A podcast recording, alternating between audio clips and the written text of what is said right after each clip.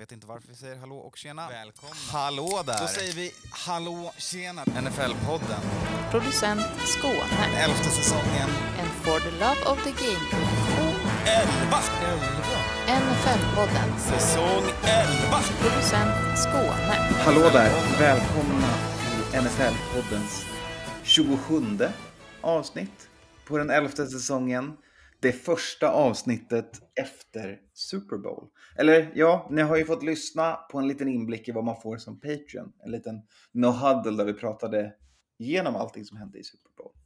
Eh, men här är den vanliga podden tillbaka. Nu kommer den gå på det här sättet varannan vecka där vi stöter och blöter lite av det som hänt i NFL-världen under den härliga, härliga off-seasonen som kommer nu.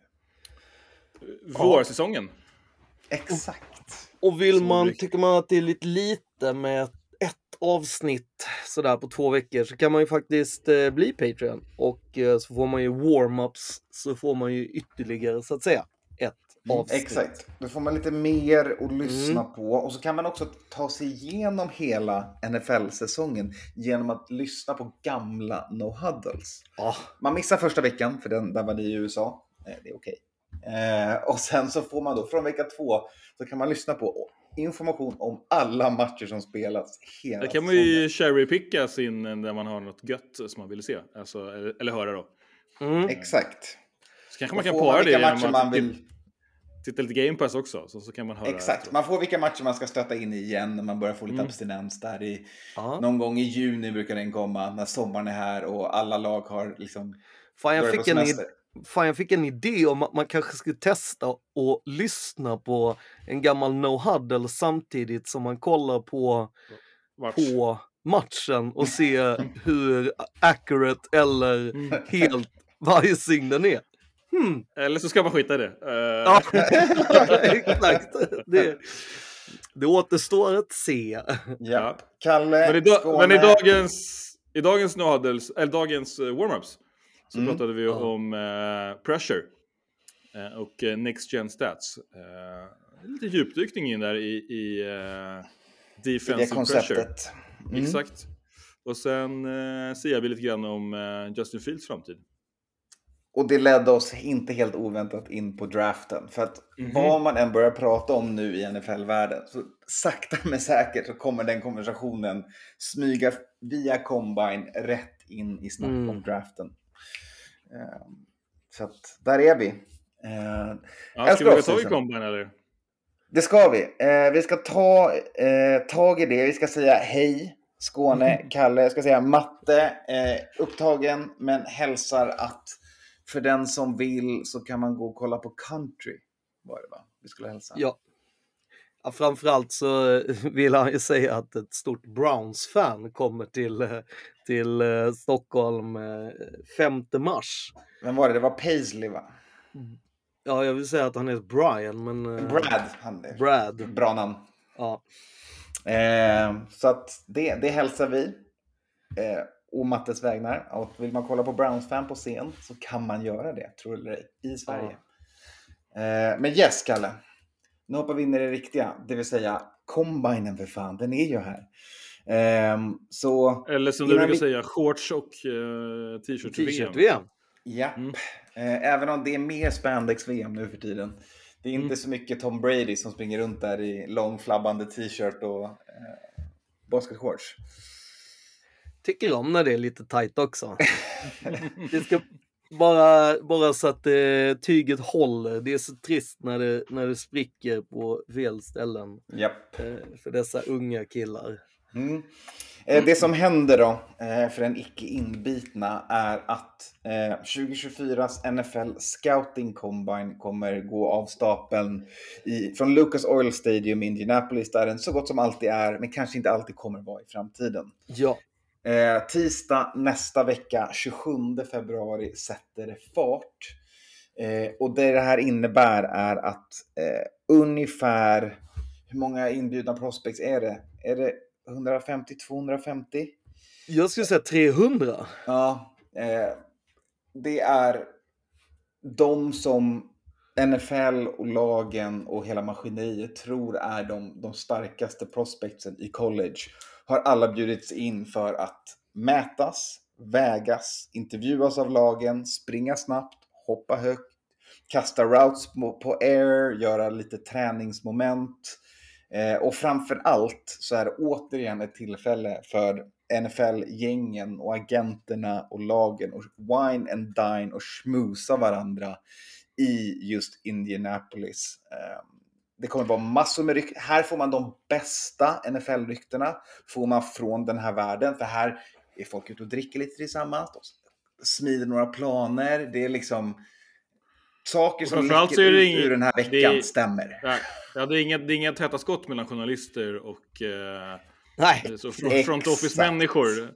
De sitter typ på samma läktare med kikare Ja. och klocka och antecknar och sen så går man och käkar en munk och tar en kaffe. Det är sex och så... timmar content man kollar på liksom. Så Mm. munlädret går ju på dem. Liksom. Ja, Sen och går de sen- ut på kvällen och krökar lite med varandra. Mm. Och, mm. Och, och det, som, det som jag tycker också är, är extra härligt är ju att eftersom att vi, alltså förr i tiden så var det detta i typ det första stora när alla lagen samlades liksom och bubblade och så vidare. Nu när, när liksom senior ball, eh, NFLPA, eh, deras ball och du har liksom East West Shrine Game och så vidare så har liksom Mobile Alabama och, och liksom det blivit sådana där alla lagen redan har samlats och tisslat och tasslats en bör- Så att allt det här vi har med Fields kommer ju från att de har ju redan gått och, och, och på något sätt så här testat eh, vem är. Ryktena om Ja, Justin men Fields exakt, som vi alltså. pratar om i warm-ups. Ja, Ja, för den exakt. som inte är Ja. Patreon. Ja, det, allt det kommer ju ur att lagen har träffats runt omkring senior ball eh, och de andra bollträffarna. Så att nu när man har då nästan en hel vecka tillsammans så är det väldigt mycket enklare för du har så mycket mer tid som general manager kan du gå och snacka med någon annan. Men du kan också ha att det är två quarterback coacher som snackar ihop sig och bara okej, vi kanske ska göra den här eller vem. Och, och sen är det ju det här klassiska. Du kan ju sitta med dina polare. Du behöver, alltså så här, dels är det ju de nya lagen och så vidare och sånt som sitter där och sånt. Men sen ser man ju också de som, som kommer från samma träd och sånt. Då blir det ju mycket liksom gemensamma middagar och, och Mm. det är Ja, liksom... det är ju gamla polare liksom. Ja, Fan, kommer du Ja, ihåg vi som det- var... Eh, Polare och polare, det är ju familjeträd. ja, ja, exakt. ab- absolut. Det, det ska Ja. vi komma ihåg. Det, det är Nepotism det galore. Liksom. Ja, men, Ja. och, och, men, ja, men det är mentorer och, och Mm. protegi, så, så är det ju. Uh, plus det är ju kul att träffa folk liksom. Det är, ju- det är ju gött, det gillar man ju. Det vet vi ju själv. Alltså, men det här är ju NFL den största, om- typ, det här är ju närmast vi kommer till någon form av NFL-konferens. Ja, det här är Exakt. NFL on parade. Ja. Där Ja, går hela vägen från, från Mobile, Alabama till draften. Så Ja. är de, åker runt Ja, och, och, ja. och hänger lite i off-season och bygger lag. Ja. Och det dyker upp en GM här och någon headcoach där och någon har någon scout som har ett meddelande till någon annan i något annat lag och du, fan, det får man klämma och känna lite på han eh, Metcalf eller? Nej, nej, nej, det går inte, det får man inte. Nej, nej. Nej. Men kan man få se han utan tröja eller? Det är ju ändå... Nej, men du kan få se mig utan tröja. Ja, okej. Ja, men... eh, Ja. Eh, Så som sagt, på tisdag 27 februari sätter igång. Eh, Det kommer vara presskonferens från alla lag. Det kommer vara otroligt mycket NFL-content som spys ut på NFL.com. Och visst kommer man kunna se det här på Game Pass? Ja, Game Pass och de brukar även göra tillgängligt på NFL.com. Jag vet inte hur de gör Ja, de kommer också köra det på Youtube, de kommer köra Ja. det på... Alltså det finns en rad massa olika. Mm. Mm. Eh, för sen är det ju också så, ska man komma ihåg, att alla de här eh, ESPN, eh, NBC, Fox och alla de gör ju också sina eh, sådana här grejer, vilket gör att du kan ju... Det, det kommer inte vara svårt att få content. Så kan jag säga. Det, det, det kommer finnas att läsa, det kommer finnas att titta och det kommer finnas och, och liksom däremellan allting annat också. Ehm, och det är ju många som skickar, liksom, alltså så här, det är verkligen alle man på Ja. däck. Alltså du skickar Ja. ju alla dina sportjournalister dit och göra liksom, Exakt. för Och även, här- Men även också, också de NFL-programmen som finns på NFL Ja. Network. Alltså Good Ja. Morning Football och Total Access och sådär. De pratar ju om det här. Så att, eh, Ja. om man inte vill följa schemat rakt upp och ner så är det bara knäpp på eh, Ja. så, så kommer man få det till sig. Eh, Ja. The, the latest and the greatest. Ja, Mm. och det nya är ju faktiskt att det kommer vara alla deras, alla de här, uh, The Ring, alla de här podcastens kommer att köra liksom mer eller mindre eh, scouting special eh, avsnitt under den här veckan. Så att jag tror att ja, det är nog svårare att missa än att, eh, i- att, eh, att, att, kunna följa det så att säga. Ehm, Men eh, ja, det är ju det är också här någonstans som alla de här eh, häftiga stories börjar ju. Det är ju här folk börjar försöka hitta stories som man kan skriva och bygga och, och, och skapa ännu mer ehm, following eller content om eh, när, när man liksom hittar de här häftiga stories bland de som ska bli draftade. Ja men exakt, för det ska man inte glömma i allt det här. Det, till, till sist och syvende så ska ju det här handla om de unga spelarna som ska draftas. Ja. Eh, och, och det är ju det som, där man vi kommer att ha våra snackisar när vi ses och snackar igen. När vi ska Mm. prata igenom vad som faktiskt hände Ja. på, på Combine. Mm. Eh, Men om innan drar, ett, ett, ett, ett schematips då. Det är ju att Mm. tune in, om man inte har tid och, och man har andra grejer planerat eh, Mm. den här veckan och helgen. Så söndag 3 mars, då är det tune in. Då är det klockan sju på morgonen då på östkusttid, vilket är klockan ett här. Så precis lagom till att brunchen är nere. Eh, då kan man knäppa på, för då får man se eh, three cutdown på defensive back och tight ends. Sen efter det kommer quarterbacks, wide receivers, running backs. Och sen kan man då hoppa på live-sjoket med offensive linemen. Då, får, då är det, liksom, då är det gött, det göttigaste här. Då har du fått allt. Du har fått summeringen av alla tidigare positioner Ja. och sen så får du kökisarna live. Ja. Ja, exakt. Ja, Och och, jag tycker ju eh, att man egentligen ska göra så eh, liksom även på lördagen som, som Kalle så fantastiskt sa. Eh, för det är ju inget göttigare än att se det och sen att se det igen och sen att se det igen och igen och igen. Mm. Har vi, har vi någon vilda spekulationer på vem som kommer pratas om? Vem kommer vara storyline 1A efter den veckan? Vi snackar ju om det lite grann i, i, i warm-up som att det är ett starkt QB i år. Så att de kommer i alla fall kliva in i det med, med QB-flaggan i topp, får man säga. Ja, dels det. Eh, och där kommer det ju alltid vara sådana. Den första stora nyheten kommer ju vara direkt på tisdagen är ju vem som har stora eller små händer. Mm. Det är ju alltid en, en eh, sån eh, kioskvältare eh, bland quarterbacksen. Vem som har en för liten hand eller så vidare. Eh, och sen så eh, sedermera så går du in på det här med vilka som kommer kasta eller inte. Eller om det är några quarterbacks som väljer att inte göra någon eh, av de olika vara. eller vad man ska säga. Mm. Och Det är det sen, alltid, det kommer alltid vara. ja, och sen är det ju det här med att man eh, vill se vilka wide receivers kontra vilka corners som är snabbast egentligen. Ehm, men eh, jag skulle väl säga att jag tror att det är det Dancing Bears, eh, det vill säga att det är O-line och eh, D-line som kommer eh, jag tror det är de som kommer chocka folk över hur bra de är. Ehm, så, Jag, jag Ja. tror, jag säger att vi kommer lämna Combine med Jaden Daniels som, som QB2, kanske till och med QB1. ja, För jag tror det är perfekt tillfälle för honom att skina. Folk har ju glömt bort hur jävla snabb han är så att ja, Mm, men exakt. absolut, jag kan köpa det. Ja, Sen kommer vi alltid, kommer, brukar väl stiga någon, eh, någon som wide receiver from the ranks. Som, Ja. som, liksom knapp, som knappt har nämnts. Eh, eller, eller running back. Nu är det ju ingen topp running back-åren, kommer inte gå så tidigt. Men ändå så kommer det vara någon sån sleeper som folk eh, lyfter upp lite. Sen får man Ja. se hur det går i draften, sen kan ju den floata upp och ner. Men eh, alltså jag journalisterna brukar ju gilla att liksom hitta någon.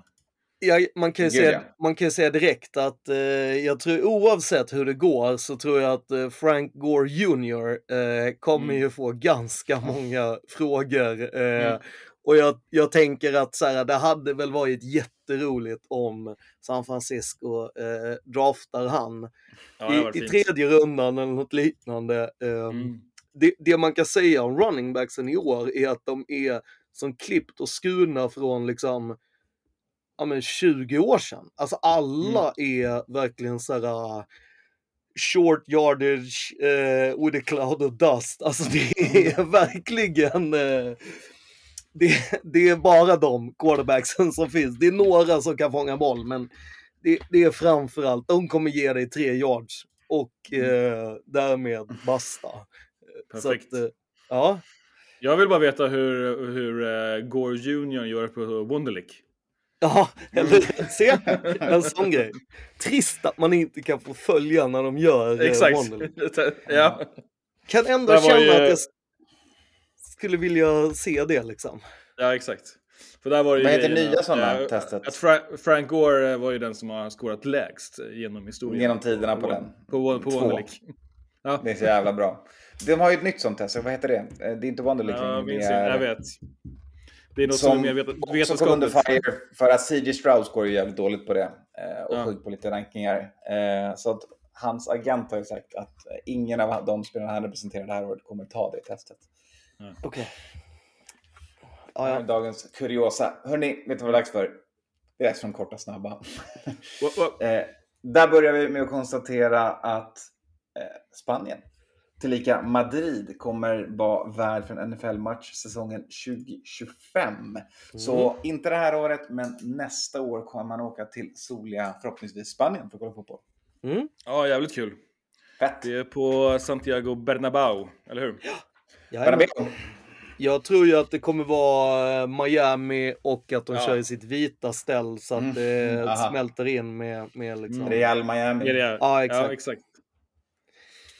Ja, Det kan jag ja. ändå tycka är fint. Liksom. Ja, Jag verkligen. tänker så här, Det får vi- Sen så är Atletico Madrid är ju annars ganska perfekta. De kanske inte har samma arena, eh, men det är ju perfekta färger för olika amerikanska lag som gillar vitt, rött och blått. ja, Ja, men Så tycker man ju att den det är kopplingen- inte samma arena. Nej. Alternativt hade det varit roligt om det var eh, Ravens eller Vikings och så körde de liksom eh, Reals bortafärger som är helt Ja. lila. Liksom. Ja. Eller var det väldigt länge i alla fall. ja. Då kan man ha båda. Då kan man ha både hemma mot borta. Så har Ja, vi du menar så. Miami mot eh, Baltimore. Ja. Eh, mer än det, Amazon kommer ha slutspelsmatcher nästa år. Amazon Prime, där vi kunde se torsdagsmatcher den här säsongen, kommer nu till nästa år kliva in ännu hårdare på NFL och eh, ta lite slutspelsmatcher också. Eh, Ja, alltså, det, det är ju inte som att de, alltså, de har ju pungat djävulska pengar, ska vi också lägga till, Mm. för att få, få göra detta. Så att jag menar, ja.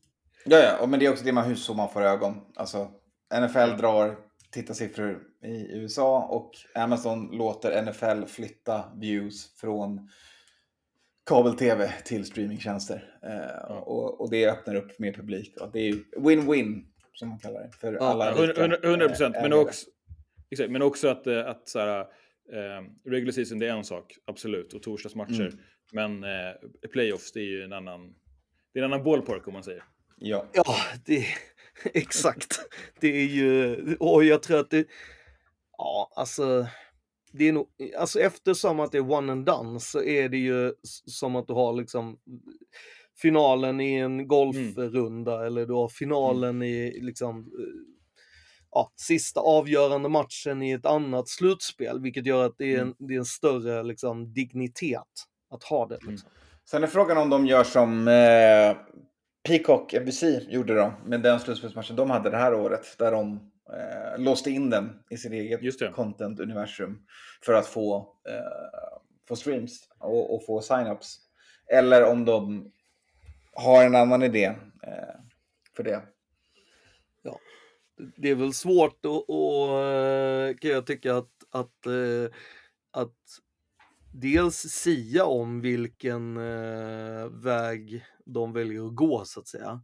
Mm. Och sen så kan jag ju, vet jag inte heller om jag kan sitta och säga att jag tycker att det är fel av dem att låsa in det för att man ska, alltså så här, jag vet inte, alltså det finns väl en anledning varför de har, ska de, nej jag vet inte. Mm. Jag Nej. vet inte hur mycket det ger att Jag vet folk inte hur mycket ser all- liksom sin alltså att de ser loggan uppe i fönstret. Nej, Kontra, argument om liksom- altruism brukar inte funka på amerikanska företag heller. fall. det är snällt. Nej men alltså, för jag bara tänker så här, det, vi, alltså där, man är ju så himla van med att se liksom en, en, en logga eh, och det vi är vana med är att det är tv-loggor, liksom, alltså SVT, NBC och så vidare. Nu när det kommer liksom en Amazon, kommer den då, alltså det mesta pekar väl på att den skulle dra upp rent försäljningsmässigt. För att du ser den loggan hela tiden liksom. Men Ja, ja. Kan de kränga en massa roliga produkter samtidigt? svårt att säga. Alltså det kommer Så är det ju. kunna Och jag menar då, så jag, jag, vet, jag minns inte, vet inte, minns inte hur Peacock gjorde, om den var en pay-per-view eller bara att man bara signade upp sig. För Nej, att, jag tror de hade det som en sign-up. ja, Lock. och det, är- det är liksom. exakt det som Amazon gör, kommer göra också tror jag. Alltså, No. eh, Exakt. För Amazon är det ju the long game och sen så tror jag att eh, de har väl rätt mycket viewer, alltså subscribers generellt i USA. Ja, de har ju en no mer etablerad produkt också än vad Peacock Ja, är. Så att exakt. Där ju tror jag folk det- kommer vara mer okej med att signa upp på Amazon Prime för att kolla en Exakt. Exakt, och det var ju därför som Peacock fick, fick lite kritik här i säsongen. Mm. var ju för att det var något nytt.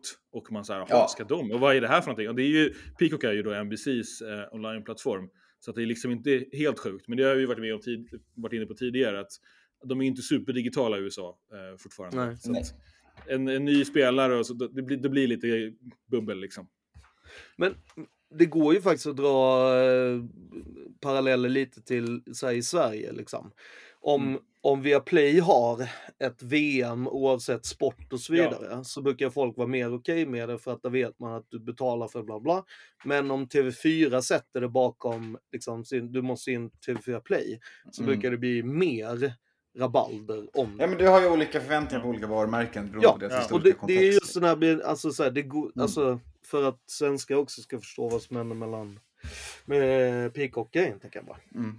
Bra liknelse. Vi Tack. hoppar vidare. Eh, Grassmageddon fortsätter. Eh, Mm. Det vill säga fighten om vad man ska spela på för typ av underlag.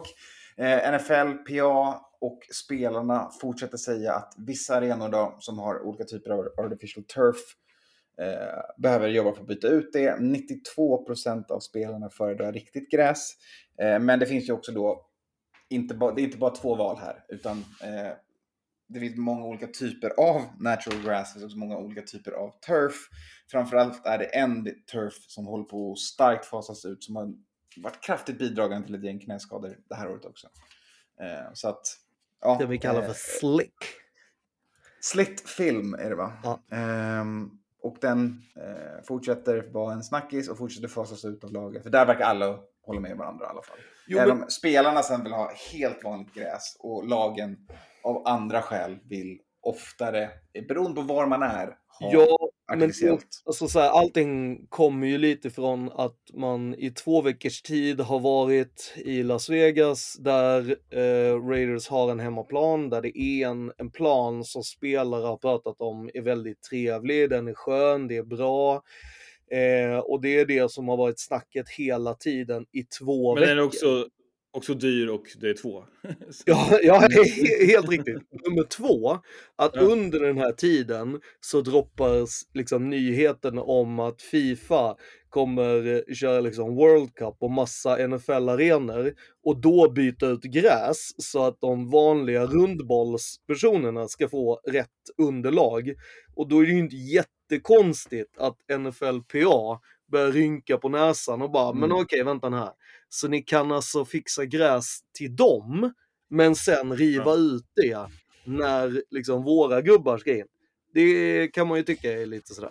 Ja, men exakt. Och det är ju Ja. en hårfin skillnad också, beroende på vilken, var, vilken, var arenan ligger. Jag menar, jag skit, det, Soldier Field kan inte kallas för gräs. Hur mycket naturligt det än är, så är det liksom mud bowl från november och framåt. Ja. Men och det är det som är grejen. Nej, men när, fo- när fotbolls spelas ju på sommaren, så då är det väl bara att Ja. skägga på den där gräsrullarna och så spelar man Mm. på matcher, det är inget snack om saken. Så jag, någonstans så har ju NFLP lite eh, liksom, eh, gjort det kontextlöst. Det, är, det, är en helt, det är en helt annan femma om man skulle börja på så gräs uppe i Buffalo i, i december. Liksom. Ja, eller, eller i Pittsburgh för den Ja. delen. Eller liksom i, i Ja. liksom andra delar av Ohio som Ja. där liksom regnet är från, stadigt från tidig Ja. november. Ja.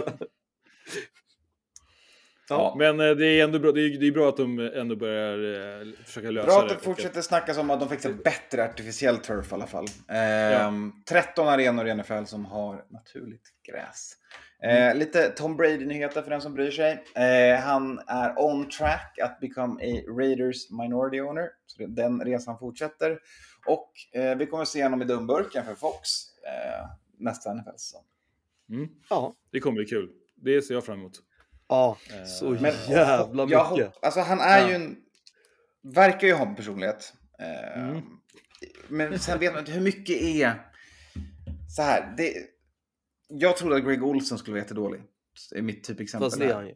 Han, nej, han har varit Jo. jättebra den här säsongen. Ah, Jo, alltså, Nej. han, det, nej, helt okej. det- är han, det hans stjärna har ju stigit samtidigt som Ja. Romos har dalat lite. För Romo har liksom börjat... Han är bekväm. han kollar bara Mahomes matcher och han är bekväm. Liksom. Men han har ju också blivit jättetjock. Och det, är ju, det vet vi ju alla att, att, att Romo var ju for the ladies. Och då kan ju inte han hålla på att bli tjock. Då dalar ju tittarratingen. Men det finns ingen korrelation med bra på plan och bra tv-personlighet. Och nu verkar ju Brady vara en, en skärm... Han känns Men det, är, som väl- att... han- men det är det vi får se ju. Det är det som är spännande. Mm. Ja, Ja, men fan, han, det är nytt jobb. Det kan bli svinkul. Jag menar, han är ju sparkling liksom. Ja. Han, Ja. det där, han munlädret kan gå. Det blir spännande det där. eller hur? alltså- Det blir det. Det blir det inte minst. Det håller jag med Spännande. jag menar, fan Spänd. ja. Och inte Men minst... det är klart, han ska får- bli Raiders minority owner, så nu är du lagligt contractually obligated att tycka om honom. Han är inte så, ja, jo, absolut. Men jag tänker så här, det, det jag gillar och såklart att han är så här. Han gör ju allting. Eh, han gör ju Ja. det. Alltså han har ju, han har ju liksom typ eh, testat massa gånger. Han har ju suttit med Kevin Burkhardt Ja. och gjort massa Ja. torrsim upp- och han har ju liksom... Slår du in- upp ordet pedant i, i liksom ordboken så är det en bild på Ja. Tom Brady. Ja, Och så, Och jag- så han, har ju, han har ju klivit upp fem på morgonen nu här senaste året och liksom exakt. torrkommenterat hela säsongen. Ja, alltså på riktigt så tror jag ju att han, jag, jag tänker att det finns bandat när han sitter och kommenterar samtliga av 2023s Mm. matcher. Eh, och eh, även när han pratar med sig. Jag hoppas att han har gjort två olika röster då, för jag tänker att Kevin Burkhardt har ju inte varit med. Så att han är såhär, ja ah, nej Kevin Burkhardt, eller vad tycker du Tom Brady? Jo Tom Brady, ja, jag tycker det är ganska bra i de här grejerna. Så här. Jag hoppas det. Så, att- så jag tror att han har gjort läxan, men samtidigt kan jag gilla det också för att Tom Brady är ju, han är ju lite, lite smög.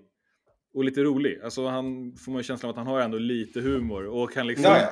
och han kan liksom Det eh, komma med vinkel och nypa till lite. Så att det, det Mm. känns kul. Ja, men Ja. Det, det får vi hoppas på. Vi hoppas få lite, lite- lite krut, lite lite, vinkel, lite spice i det hela. Ja, exakt. Ja. exakt. Ehm, för han blir bara torr då. då Ja, ja, absolut. det räcker menar- inte med hans Nej. brand. Liksom. Men jag är övertygad om att om, han, om, om liksom Romo kan calla plays innan de sker på plan så kan väl Tompa också Ja. Kläcka ur sig några coverage liksom som, eh, Ja. som man kan slänga sig med. Sjukt om det visar sig att han, bara, han har bara chansat. 21 Exakt. år, Ser- 14 fan- ringar. Exakt, ser ingenting. Nej. Det roliga är ju om han så här, Jag tänker att det hade varit jätteskoj om han är ganska så harsh mot domarna och bara det där Ja. Hade fan aldrig varit en flagga. Eller bara sådär, det här, nu, nu ska man ju gå upp och snacka och såhär, vad fan, klockan är ju fel igen. Och bara såhär ligger på dem ganska såhär, "Hörru, ring ner till dina jävla polare här nu, fixa det här. Såhär, ja. Det och att han försöker high-fivea någon och inte få en high-five. Jag säger bara en till offensiv spelare in the booth. Vi kommer få mer kommentatorer som eh, Ja. lovprisar anfallsfotboll. Ja. Det är vill ha. Vi går vidare. Eh, hörni, vi ska ta detour in i Crime Watch. Eh, för eh, det skedde något väldigt tragiskt i samband med Kansas Citys eh, Super Bowl-parad. Eh, nämligen så att eh, ett antal personer sköt in i publiken, vilket resulterade i flertalet skador, bland annat på många unga. Eh, och en person död, en kvinna, var någonstans runt 40, har jag för mig. Ja. Eh, kalabalik kring det här såklart. Eh, tyvärr inte en ovanlighet i USA med eh, vapenvåld eh, och eh, människor som skjuter in i i samlingar av andra. Eh, sen Columbine bara, för inte, så inte länge bara, sedan. Ja, och inte bara vapenvåld utan vapen, punkt. Ja, exakt. Jag tyckte att, Eh. alltså såhär... Men Det det hade är- inte med själva paraden att göra va, eller hur? Eller, Nej, eller, alltså det handlar ju om att BK om man kollar eh, på det som har sagts och, och det som ligger ut, ut för allmänheten och sådär så är det ju två grupper eh, där båda grupperna upplever att eh, de andra tittar på de andra. Och det är ju det här med att så här, vad glor du på? Eh, varför tittar ni på oss? Och sen eh, så eskalerar det därifrån att de tycker att de tittar väldigt mycket på dem och de andra tycker att de tittar väldigt mycket på dem. Och det eskalerar till att en säger till den andra eh, We gonna get you eller något liknande och sen därifrån eh, då går han och hämtar pistol eller tar sin pistol och sen därifrån så blir det skottlossning från båda sidorna liksom. Eh, Och Leder till att en person dör och 22 skadas. Ja. Ja, vilket är helt sjukt. väldigt många av dem är barn. Skulle Mm, man säga. ja. Inte bara unga utan barn. Nej, ja. Och eh, de som skjuter är ju själva typ 20-18 års. Alltså så här, de själva är ju unga och eh, ja, det är ju liksom det är ju i en ett område där vapenlagar är lite mer loosey, eh, där Mm. man får ha eh, concealed weapon lite mer eh, ja, vardagligt eller vad man ska säga. Eh, det man kan säga, Detroit gick ut ganska snabbt och sa att de har kollat och de har en prevent för att något liknande inte ska ske under draften då. Eftersom att nu börjar man ju kolla Eh, på stora samlingar i USA. Eftersom att detta också skedde när Denver Nuggets, eh, deras parad, så var det också skjutningar liksom. Men eh, jag, jag tror jag vet hur man löser det. Jag tror man... Mental hälsa, tror jag, är det man ska göra i USA för att lösa det här.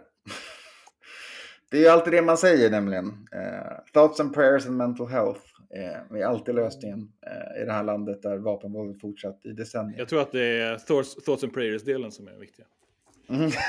Det tror jag också. Eh, men sen tycker jag ju det är rätt intressant eh, hur, hur det är det här biten med att liksom, eh, alltså, så här, vad glor du på? Liksom. Ja, alltså så här, att det eskalerar, alltså någonting Ja. så trivialt Mm. Eskalerar till att man bestämmer sig för att ta en pistol, eller liksom ta ett, ett, ett någonting som skickar ut en projektil och, Ja. och drar av i en, i en massa av folk där det är liksom barn. Det är, alltså så här, det är ju så... ehm, Mm. Nej, men när tillgången finns. Ja, exakt. Alltså sen såklart att mental hälsa är viktigt i ett land också. Ja. Men alltså, Men ingen ska ju ha vapen. Och av inga så ska allra minst 18 till 20-åriga killar som hänger i gäng ha vapen. Det är min det är väl take. en ganska bra regel.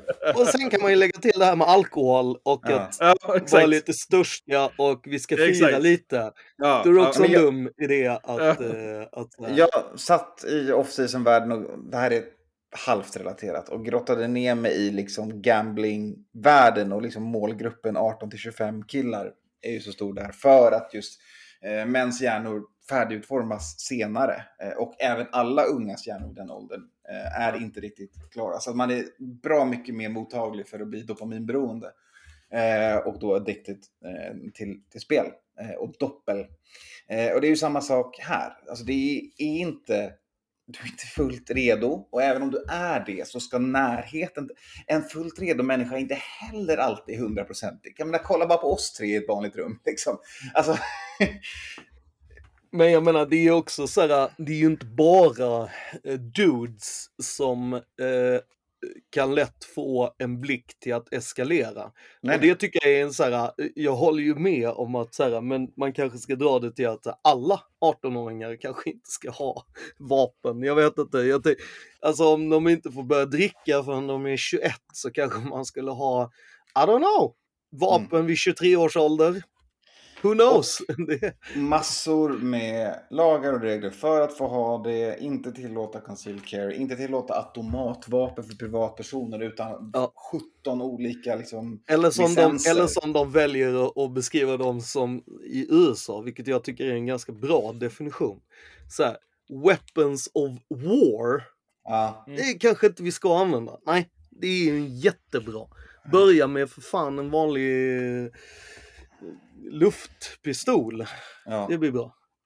Ja, det, är så, ja, gud. det är så fint att det grundar sig i den här second amendment som handlar om att eh, en armed militia, eh, liksom, att man ska vara redo att slåss mot sin regering om det krävs. Om USAs regering vill dig någonting kommer du dö. Så. Det kommer komma en drönare och sen så kommer ditt hus inte existera längre. Liksom. Det är så här, du kan inte ta fram din lilla AK och hoppas på det bästa. Det, det är liksom, Fast om man har flera hemma. stryk, stryk bara second amendment. Stryk den bara. Exakt. Och så, får vi, och så, så vi klara där. Ja. Och, och hur många revolutioner har vi sett i, i modern tid? I, i En bara. USA. Ja. I USA ska vi också Ja, exakt. komma Ja, ihåg. exakt. Ja, men det är en bara. Ja. Var det verkligen en revolution? Det var ett tappert försök, försök till i alla fall. Ja, exakt. Ja, exakt. Stormning var det väl? Ja. Ja. Ja, herregud. Eh, ja. Tragikomiskt med vapenvåldet i USA. Mest Ja. tragiskt, men för oss som har varit med och pratat om det i så många år så finns det en, en futilitet och en frustration som gör att man inte annat kan. Ja, verkligen. Och det är ju sjukt när det är segt också när det påverkar liksom sporten vi älskar. Ja, exakt. Eh, Det Ja. är ju... Och det, jag menar, det är rätt sjukt att liksom... Alltså jag tycker det är så jävla konstigt. Alltså om det nu skulle vara en grej att man... Att alla förstår helt plötsligt, vilket jag inte gör då, det här med att man kan eh, snea över att någon tittar på en. Jag kan förstå att man snear över att titta på en. Det kan jag. Men att ta det vidare till att bli stor. Om man då lägger till att det är, så här, det är 800 poliser runt omkring. Alltså Mm. den här biten med att du har ju noll det är ju inte, det är inte så ett brott som jag gör och så tror jag att jag kommer komma undan. Alltså så här, det, alltså det åh Nej, och det, och, men trots det så var det fan inte poli- Det var en, en av gunmen blev fan tacklad av random människor. Båda. Bara, Båda, båda det är två dudes som Ja. är ja, skitbra dudes Ja. som gjorde. Men Det var inte ens... Var, ja, Nej, men det är ju inte- inte jag, jag håller min hjärna på att flytta den här debatten till USAs poliskår. Men vi behöver inte öppna... Nej, nej. Vi lyfter det inte är den stenen. inte, det man ska nu. säga är ju att det, det var ju inte liksom the brain trust som gjorde det här. Det, så. Nej. Det, det är ju två personer som säkert skulle ha sämre än Frank Gore på the lick test. Så kan vi säga. Exakt.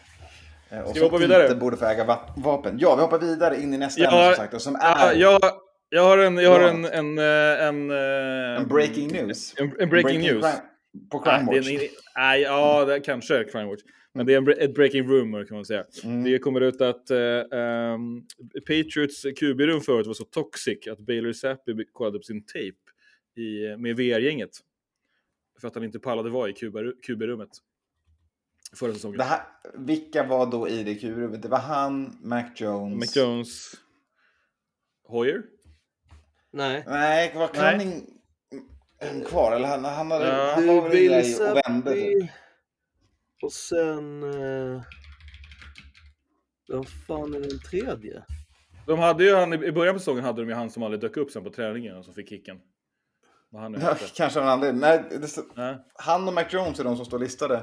Ja. Eh, det här är en artikel från mars dock, 2023. Så att det kan ju ha ändrats sedan dess. Ja men jag kan fan kolla. Eh, kommer på några här. Medan vi ninja googlar live då, så kan vi väl konstatera att eh, det är Mac Jones som kastar under bussen med det här. ja. det är, QB-rummet var så toxic. Eh, senaste eh, depth charten listar eh, Mac Jones, Bailey Zappi och någon som heter Nathan Rourke. Jag tror inte det är Nathan som han försöker kasta under bussen här. Nej. Är du säker? Nej. Ja, eh, kan vara coacherna också, kan vara eh, Ja, exakt. mycket annat såklart. Eh, men ja, Mac Jones har inte riktigt haft en, en, en härlig resa i NFL. Kan Det är. Malik Cunningham var det ju va? Som vi- Ja, men han var väl bara typ in och vände snabbt va? Typ. Ja, men ja. Han, blev var nog ändå där från... Och, framme. och, jo, men han var väl där oktober, november. ja. Eh, Jag tror ja. att han kan vara nog... Practice squad quarterback Will Greer också. Mm. Där har vi det. Det är Will. Eh, ja, det rosar väl inte marknaden för någon av dem. Eh, eller Bailey Nej. själv då, som inte kunde ta tag i kulturen i det rummet och lösa det. Nej, exakt. Hörni grabbar, gaska upp er. Fast det kan ju vara rätt så här... Vad Jag, är- vet inte, jag tänker så här, han är väl så pass ung och inte någon form av liksom... Jag vet inte, det är kanske så att Mac Jones bara det här är mitt rum, alla ska göra på mitt sätt. wow." Och sen så han bara okej, men jag har taggat i wide receivers då. Så, Mm. Rimligt, men alla QBs det- draftas för att vara ledare. Så att, eh, Var det Trace kan- McSorley? Som, som Jaha. sen inte, inte dök upp. Nej, fan, det- vem var det då? Det var ju någon som var där till vecka ett som sen inte kom, dök upp på träningarna va? ja. Var det Greer? Nej, det var... åh, nej, jag vet. Ja, jag kommer inte på namnet. Det var en, en annan QB som draftades ganska nyligen, väldigt, väldigt Ja. sent. Trace McSorley blev released 28 augusti så det kan inte Ja, det kan vara. Men han var ju fan på Cardinals. Var Ja, det exakt. Greer? Nej, nu har vi spekulerat nog. Jag, jag Ja. klipper oss där så hoppar vi vidare. eh, vi fortsätter på Crime Watch och går in i just doppeldelen av det. Eh, det är nämligen så att Jaguars har bett FanDuel att ge tillbaka de stulna 20 miljoner dollarna. Var kommer det här ifrån och varför har FanDuel snott 20 miljoner av Jacksonville Jaguars? Eller är det något annat som hänt här? Det var ju en eh, finance manager, Amit Patel, som eh, en mid-level, som eh, snodde åt sig 22 miljoner eh, Ja, det har vi snackat om. genom eh, Ja, precis. He cooked the virtuella books at the Jaguars. ja, ge, eh, liksom eh, genom eh, virtuella credit card-system. Eh, Du vet, man, man snor ett öre från alla transactions-grejen. Liksom. Och så låter man det löpas på. Okej. Gammal klassiker. Han eh, förlorade en miljon dollar på DraftKings eh, i alla fall. Ehm, och eh, ja, nu vill de att FanDuel betalar tillbaka. Så Jaguars vill ha den miljonen från... Nej, de eh, ville ha 20 miljoner. För att han han alla ju, pengar? nej, men han snodde ju, alltså han jobbade ju för FanDuel. Okej. Och- Jag trodde han jobbade för, för Jacksonville. Nej, han jobbade för Mm. FanDuel och eh, snodde åt sig 22 miljoner. Använde av de 22 miljonerna en miljon för att spela på DraftKings, Mm. vilka han förlorade. Han kanske använde mer, det vet vi inte. Mm. Men ehm, ja, det är, han har ju också använt det för eh, fantasy. Men det är ju den här, eh, de har ju en sån här eh, pengar-fantasy-grej i FanDuel. Men, Ja, men det, det var ju så alla bettingföretag i USA hade det innan all sportsbetting gick och blev, eller gick och blev stat, att staterna själva fick bestämma så körde man ju bara just den här typen av draft. För den är skill-based, alltså är det inte gambling. Ja, så att han, eh, han har ju hållit på med detta i eh, alltså, tre och ett halvt år. Eh, så det var ju inte så att han gjorde det på en, en helg och drog in och bara Woo! och sen gittade han. Utan, eh, och ja, Jaguars, jag tycker väl ändå på något sätt tycker jag så här, de, de säger egentligen bara till företaget FanDuel att så här, ge oss 20 miljoner så stämmer vi inte för att ni har en dålig rekryteringsprocess där ni inte kollar upp era eh, anställda tillräckligt och bla bla bla bla bla. Men han... Ja, för, ja. för här står det att eh, FanDuel has an obligation to make sure funds used for sports betting were legally obtained. Eh, men det är mer murky för, för Daily Fantasy. Så att han har helt enkelt spelat med jävla massa pengar på FanDuel. Eh, samtidigt som han siphonat pengar från, från Jacksonville. Ja, murky Ja. i USAs gamblingvärld där reglerna är lite vilda västern. Han eh, Oavsett. kan ju få alltså 30 år i finkan kan han få. Eh, och han eh, kan även få 500 000 i fine.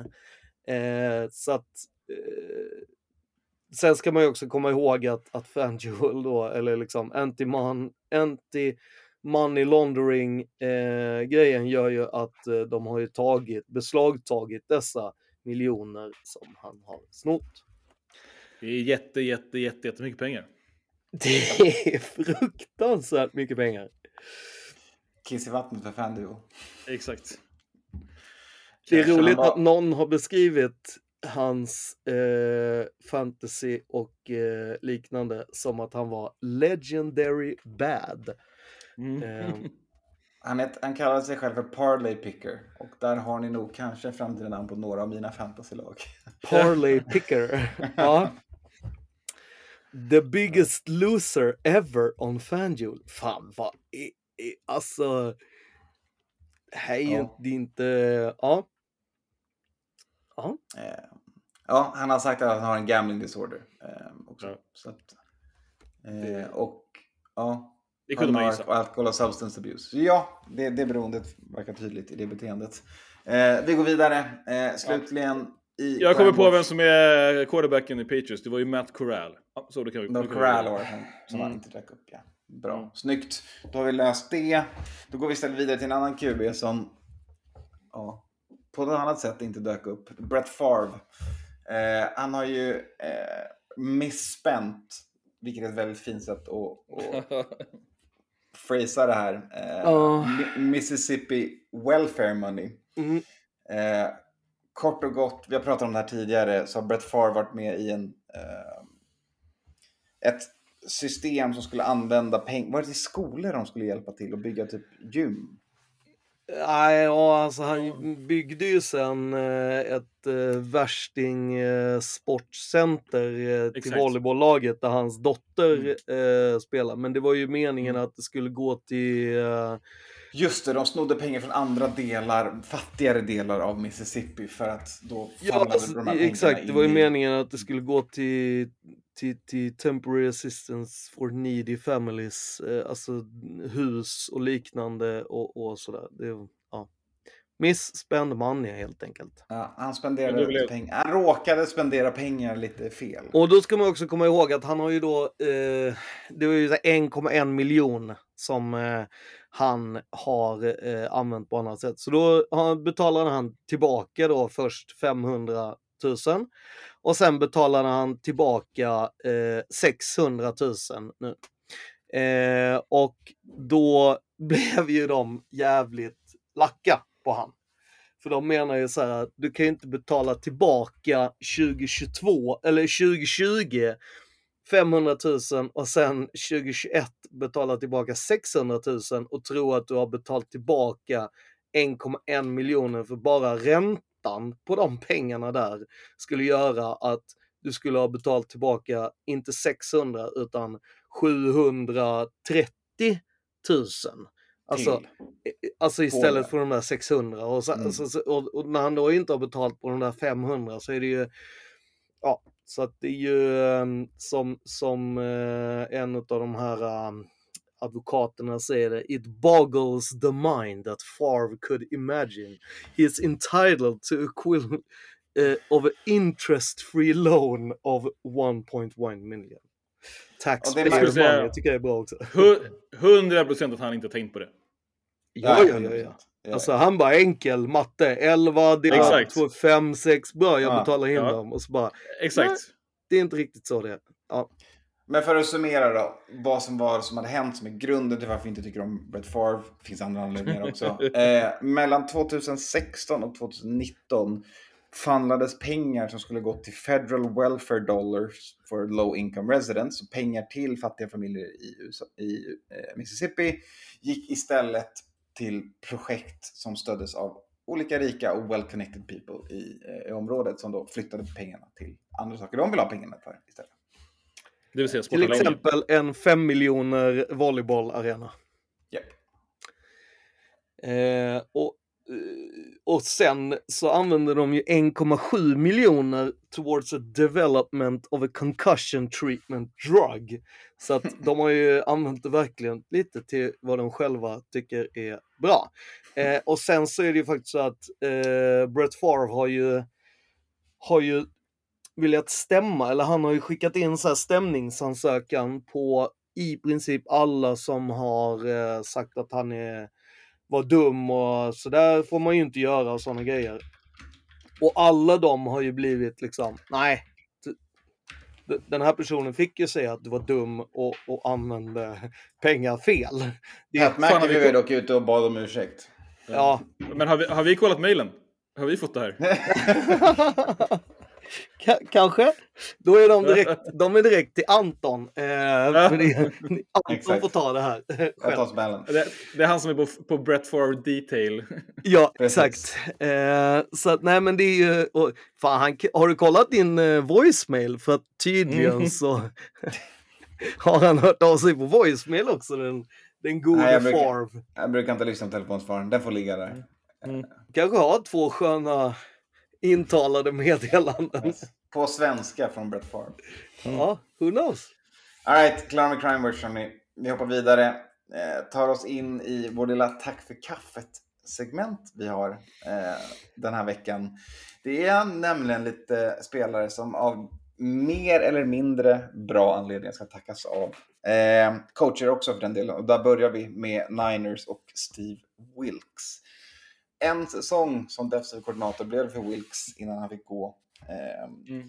Det kändes som han inte drog jämnt med Shanahan. Absolut. Eh, jag skulle säga eh, inte bara det, eller det, jag är inte säker på att det är det som är grejen, att han drog jämnt. Utan det, nivån är ju rätt hög i det här laget.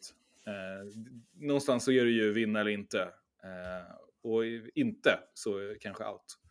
Eh, sen är det väl massa andra anledningar också. Men snacket är ju att han inte riktigt har eh, fått ut det som, eh, som man skulle vilja få ut av Niners defense.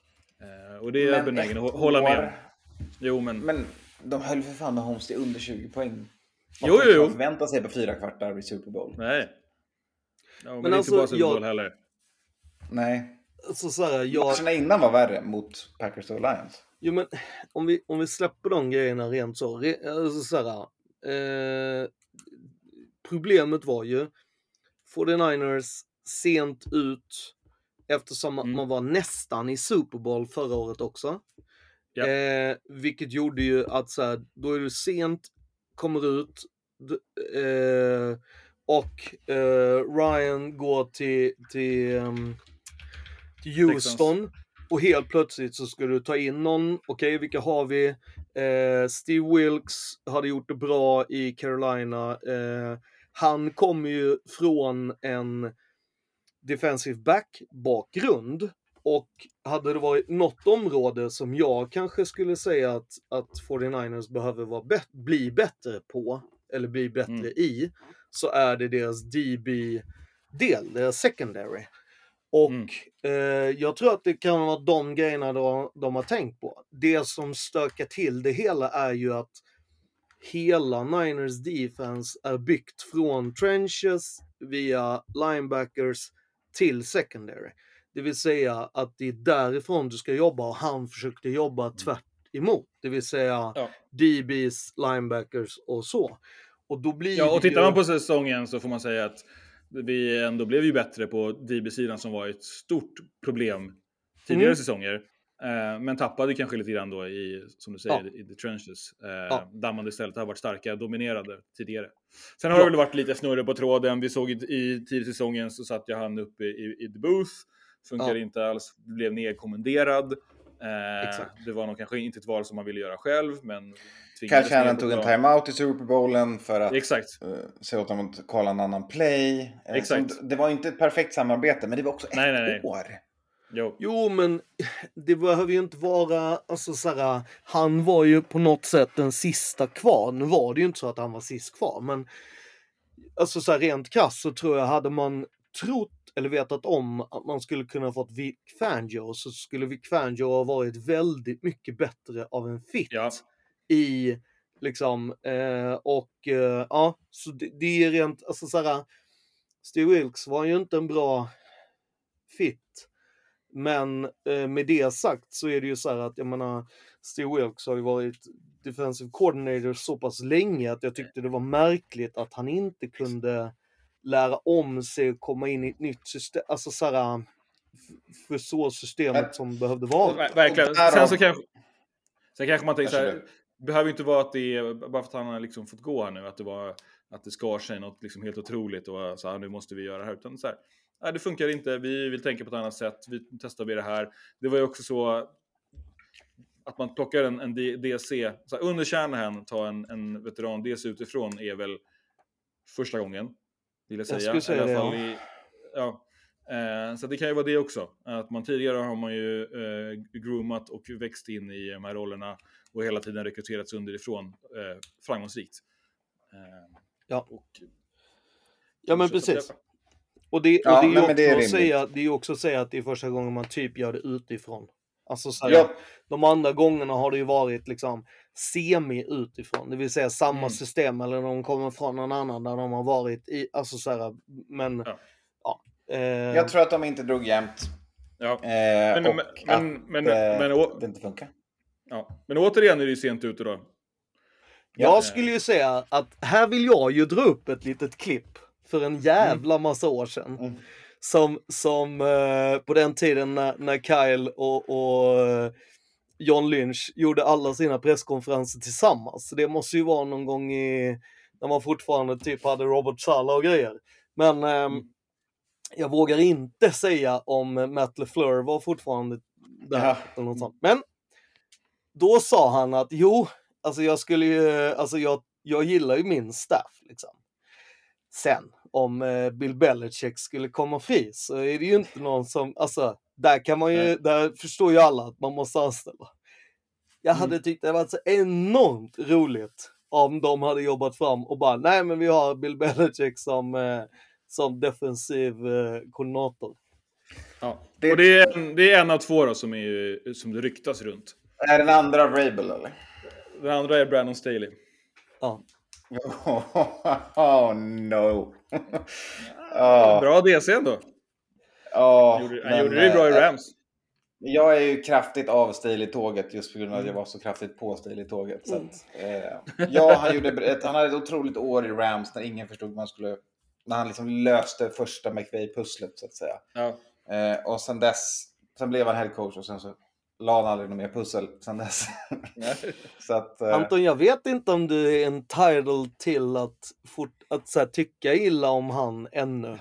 Det känns som att du har varit så himla på Staley-tåget att du får liksom på något sätt två års liksom straff att vara liksom... Karantän. Ja, ja, antingen karantän eller att du måste, så här, trots att du inte är det, säga att du är, tycker att han är jättebra i två år till. Staley kanske är en bra DC ändå. Det, vet, det får vi kanske aldrig veta heller. Jag tycker att ni ska signa Mike Rabel. Ja, det är också bra. Ja, Belichick vore ju dunderkul. Det vore ju... eh, Ja. Belichick bara kommer för inte det bli DC. Alltså, inte chans. Why not? famous last words. Nej. Eller hur? Nej, jag hade inte, alltså så här, det hade varit så jävla Har han, tio, har han en ring på varje finger? Nej, det har han inte. Ja, Nej. exakt. Ja. Head coach i fyr, 412 år. Och så bara, Jo men jag tänker så här alltså så här, jag kan se han hur han säger, ja men... eh, Låta Kyle Shanahan båda med att göra saker. Killen som jag mördade en Super Bowl för fem år sedan. Nej. Ja men vadå, det kan man ju okej, men eh, ställ upp ditt offense så gör jag 24, Ja, exakt. 23 varje träning och bara Ja. grabbar, ni, det är liksom, det, det är ingen som kommer få ha någon jävla red shirt här utan det är, de här träningarna kommer vara som Super Bowls varje träning. Liksom. Ja, händer inte. Inte en chans. Nej. Vi går vidare. På tal om eh, avdankade 49ers. Eh, Jimmy Garoppolo har nu blivit, det här är så jävla tragiskt den här historien. Eh, Han har blivit suspendad två matcher för violating NFLs policy on performance enhancing substances. Vi ska lägga in här att det som han har gjort, att han har, det, han har typ tagit någonting en medicin som inte är rimlig att ta. Så i mitt huvud, det- så som jag tolkar det här, är typ att han har typ knaprat ADHD-medicin eller någonting. Någonting som inte är för, liksom, han har inte gått och pumpat, alltså, det det är inte som att Jimmy G gått och blivit jacked och liksom Nej, fast det anabola, finns ju en liksom. hel del medicin eh, som är, är om du är idrottsman så får du inte ta dem.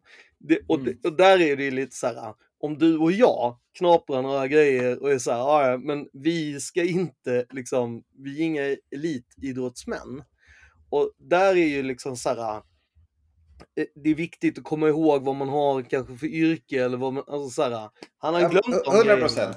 Och jag förstår att du tycker det med tanke på att det här gör ju att han, Raiders inte behöver betala massa pengar till honom. Så du är ju superlycklig. Alltså det är så jävla bra! ju alla hans guarantees på kontraktet. Så de kan bara släppa honom ish gratis. För att Nej, han vi sparar 22,5 miljon. Det Ja, tycker jag är väl exakt. en fantastisk... 100 procent att det är någon jävel inne på Raiders-kontoret som har Ja, rattat ja. ut honom. Det är någon jävel? Det är någon Nej, som har bjudit han på en eh, cocktail och Exakt. bara här, Exakt. nu ska vi ta en liten omgång i gymmet här. Ta med Ja, shaken har du prov- så... Har du, har du provat A-vitamin? Ja. Ja, ja. Ta, ta två här nu. Ja, exakt. Det här är ju en klassisk eh, pre-workout eh, grej för att du ska kunna eh, rehabba ordentligt. Så kör vi lite här. Vi ska, och så måste man alltid kissa här borta eh, efter man är klar. Ja, ja. Så att summa summarum. Men han är släppt G också va? Ja, Från, Avstängt eh, två matcher. Släppt från Raiders. Mm. Glöm att drömma att han någonsin går på ett nytt kontrakt. Han har tjänat typ 150 miljoner dollar på vad han Ja, ja. QB. Så att så här, he, he's gonna be fine. Let's be honest. Eh, Ja, han Raiders kollar redan tar- på kåk i Los Angeles. Det är, Ja, alltså, han har ju två ringar och apropå Ja. att så här, eh, tror du något tv-bolag inte kommer ta han som kommentator? Alltså, här snackar vi om att Han kommer följa storebrorsan Carr här. Exakt Jo men alltså här resa, snackar vi liksom. att ha han som en, en kommentator så kommer ju dina eh, views skyrocketing för alla vill ju se snygg-Jimmy sitta och, och bubbla om någonting liksom. Ja. Eh, hans starting days är i alla fall över. Men det var de för länge sedan oavsett. Så att eh, där, eh, där lämnar vi Jimmy åt sidan och går vidare. Nästa sak vi har att prata om här i, nästa sak, nästa person vi har att prata om här sak. i Tack för kaffet eh, är en, en spelare som är viktig för, för Mattes liv och, och Nej. historia. Nu ska vi ju faktiskt säga vad det, det alltså när Bill Belichick sa att Matty Slater är kanske den bästa special team-spelaren någonsin. All time. Så Best four special teamer en- of alltså, all time. Ja, men det är ju så här när NFL tog in vissa folk för att sitta och säga vilka som skulle vara bäst all time så tog man ju in Bill Belichick. Och när Bill Belichick säger att Matthew Slater är bäst all time, han är ju, alltså han, han är ju, han är ju det. Alltså, jag, jag, alltså han är Ja, han men, ju men det, det här är jätteintressant. mycket bra grejer. Jag skulle bara säga att det finns typ punters och kickers som skulle vara på bättre i special team än han. Eller Men- long och- returners. Det finns en viss returner som precis kom in i The Hall. För det här är intressanta diskussionen direkt går med Slater nu när han har pensionerat sig. Är Ja. att så här, kommer han som sin pappa, ska vi säga, eh, på tal om eh, nepotism och, och sådär, eh, väljas in i Hall of Fame. Och då har vi då Hester som var den senaste special teamer som nu i år valdes in. Mm. Hester var ju the return guy. Ja, Alla typer, alltså så här, nu, nu för tiden har man ju en kick returner och en punt returner. Hester var your returner. jo, jo, Liksom. jo, men vi kommer ju aldrig få se en Hester igen. Alltså så här, eh, det är ju bara, jag är bara glad att, jag, att man fick se han. Eh, och, och han gjorde ju alla eh, punts och kicks, eh, kickoffs till någonting fantastiskt liksom. Och det håller man ju på att legislata bort, ja. Så vi kanske aldrig kommer få en returner Mm. i Hall of Fame. Ehm, men vi kan få en special teamer i Slater eh, i Hall of Fame.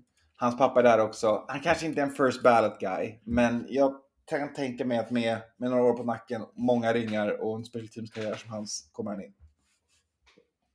Förr eller senare i alla fall. Ja, det tycker jag nog. Alltså jag tycker ju ändå så här. Alltså. Han har ju varit. Alltså han har ju varit, alltså så här, om man ändå ska prata om Gunners och, och liksom hela den.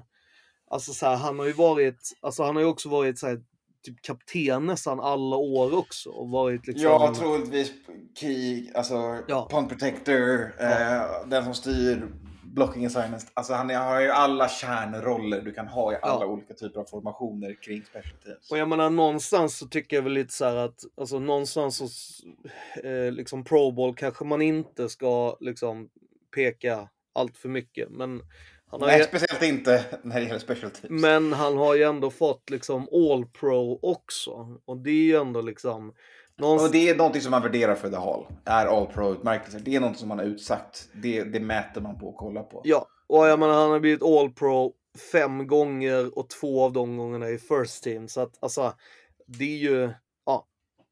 Och, och nej jag tycker att så här, jag, alltså hans stats och allting är ju liksom sen tycker jag, jag blir alltid förvånad över att de har så få ringar. Alltså med tanke på hur många ringar liksom Patriots har så att han har ju inom situationstecken bara tre.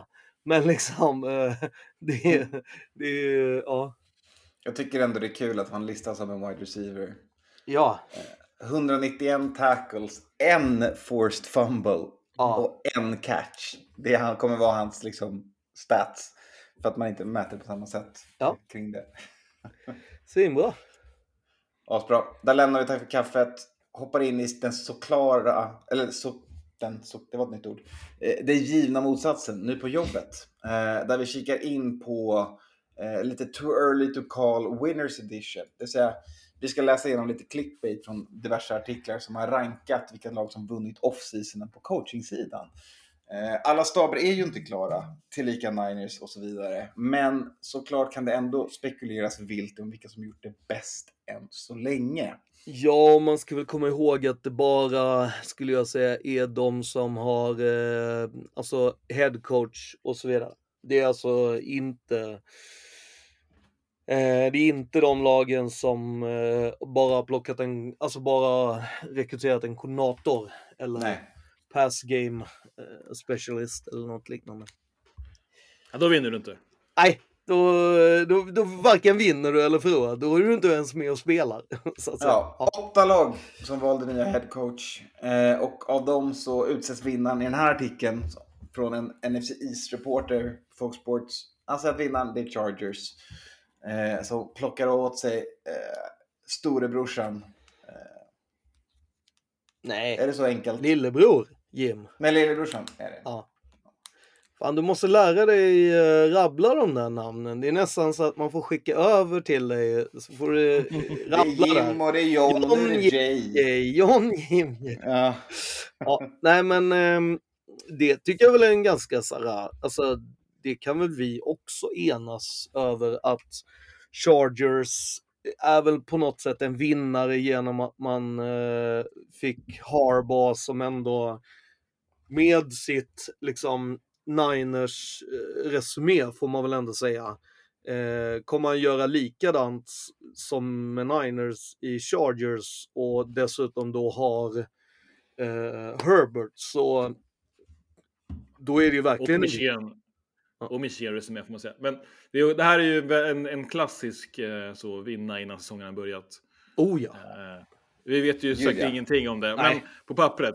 by- Byta Staley som inte har varit me mega bra i Chargers till Harbo. Det är, det är vinst liksom. Ja, Den är, det är, det är plus i kanten och Ja, guldstjärna. exakt. Det är ja, helt det rätt. är några som har gjort, gjort jobbet liksom. Jag tycker också Harbour är den stora vinnaren här. Mm. I och med att, att gå från... eh, Var det sista säsongen, var det Super Bowl som var sista säsongen med, med Niners? eh, Där han torskade mot sin brorsa? Eller gjorde han, han gjorde några år till efter, efter det va? Ett eller två. Innan han fick Ja, gå. en till kanske. En. Ja. till tror jag, men det var... Ja. Ja. Och, och nu fick han istället sluta med flaggan i topp i Michigan, vinna National Championship, plocka hem college-scenen och därefter kliva in i Chargers där han har en liksom Och, undgå eh, all de time här, QB de, och bygga. de här pro, probesen också till fusk och grejer. Så att, ja, det är ju klart det är vinst. Ah, ja, exakt. Den undviker alla fuskanklagelser och alla probes som pågår i Michigan på det här Mm. också. Eh, kan han bygga ett bra defense så kan offense lösa det. Liksom. Ja. Stark defensiv coach med en bra QB brukar vara ett fint recept. Och sen tror jag faktiskt att så här, hans namn i LA får man ju inte underskatta heller. Jag tror att det är liksom för Chargers i det, i den bemärkelsen så tror jag att det är viktigt också. Alltså att, Mm. Så det är vinst på det sättet också. Att ta in liksom en no-name, det tror jag inte hade varit liksom toppen för dem. Två på listan är Raiders. Mm. Sna- listan. Snack, snacket nu är ju uh, är att eh, han kommer skicka Joey Bosa. Ja, det tror jag. Det är jag helt, eh, nästan typ helt säker på. Eh, jag hoppas att han ska trada jag hoppas att eh, Tom Telesco, deras gamla, har eh, kvar någon eh, telefonnummer där som man kan ringa och så att vi får se till att eh, Khalil Mack kommer hem eh, som sig Mm. bör och eh, får avsluta sin eh, säsong som Raiders. Så att, eh, Jag Ja. tänker att Joey borde få spela lite med brorsan också. Så att det blir Ja. Ja, det är det jag tänker också. Att det är precis så det ska gå. Alla får vad man vill ha. Ja. Ja. Exakt, förutom Chargers då som blir av med sina två starkaste pass rushers. Exakt. Hur bra är de där egentligen? Det är, ja. Nej, men eh, att Raiders eh, är... Det var väl, jag var väl lite förvånad för att det är rätt ja, lite många... skräll får jag säga. Ja, Men du behövde nog gräva ganska djupt för att hitta den här artikeln va, Skåne? nej. Definiera hur mycket jag behövde gräva. Det är ju, alltså, jag menar, jag vänder ju på alla stenar. Så att, eh, Jajamän. Men eh, jag har ju inte tagit med den här när alla eh, ägare och exes eh, och grejer hade rankat vilka de tyckte var bra. Där där Antonio Pierce och eh, Dave Canales var de enda eh, av de nya signingarna som inte någon tyckte var bra. Eh, av alla de här. Men eh, alltså jag personligen... Klassiskt ägarsnack. Ja, men det var även alla typ XS, eh, alltså eh, front office personer Mm. också i hela ligan. Så att, ja, det är ju lite som vi har snackat om innan. Du tyckte ju innan Anton att så här, det är dumt och lyssna på spelarna och gå efter den coachen som de vill ha. Eh, Medan det har man ju gjort med att man har tittat på hur... Eh, jag tyckte ju till exempel att han fick ut väldigt mycket mer av spelarna. Att han fick ut liksom av samma materiell som eh, Josh McDaniels fick eh, tre vinster och fem förluster, fick han fem vinster och fyra förluster. Liksom. Så att jag tycker För- ändå liksom... Ja. För mig är det, jag tycker det låter som att jag är antidemokratisk här och hatar facket. Det är inte det jag menar. Utan jag tycker det är jättebra att spelarna får en coach de tycker om. Det, det ser jag som ett plus. Men det jag alltid är, och det jag alltid är, jag är alltid process over results. Och att de inte har haft en gedigen coaching, coaching search tycker jag är felet här. Ehm, inte att de landade med Antonio Pierce, för jag vet inte. Så här, 3-5 till 5-4 kan vara han som gjorde det, kan vara sämre motstånd back half. Liksom. Det är inte tillräckligt mycket data för mig. Så att jag, jag är teppid. Jag är, är eh, orolig att de inte tog det bästa alternativet eftersom de inte undersökte alla alternativ. Mm. Eh, men vad fan. Men är de förmögna att hitta, bestämma vilket som är bästa alternativ? Nej, men så här, Ja, det- det, och det tror jag är en kanske viktigare fråga. Men, men, men, men alltså så här, har det funnits någonsin en bra process? Så är det ju nej. Om, om vi bara tittar på Raiders. Eh, är man förmögen att hit, se eh, vilket som är det bästa alternativet? Så är det nej, skulle jag säga. Utan man är Mm. mer Eh, det kan ju vara olika grejer. Det kan ju vara att man ser det bästa i personer, vilket är Mm. en av de sämsta traitsen att ha som rekryterare.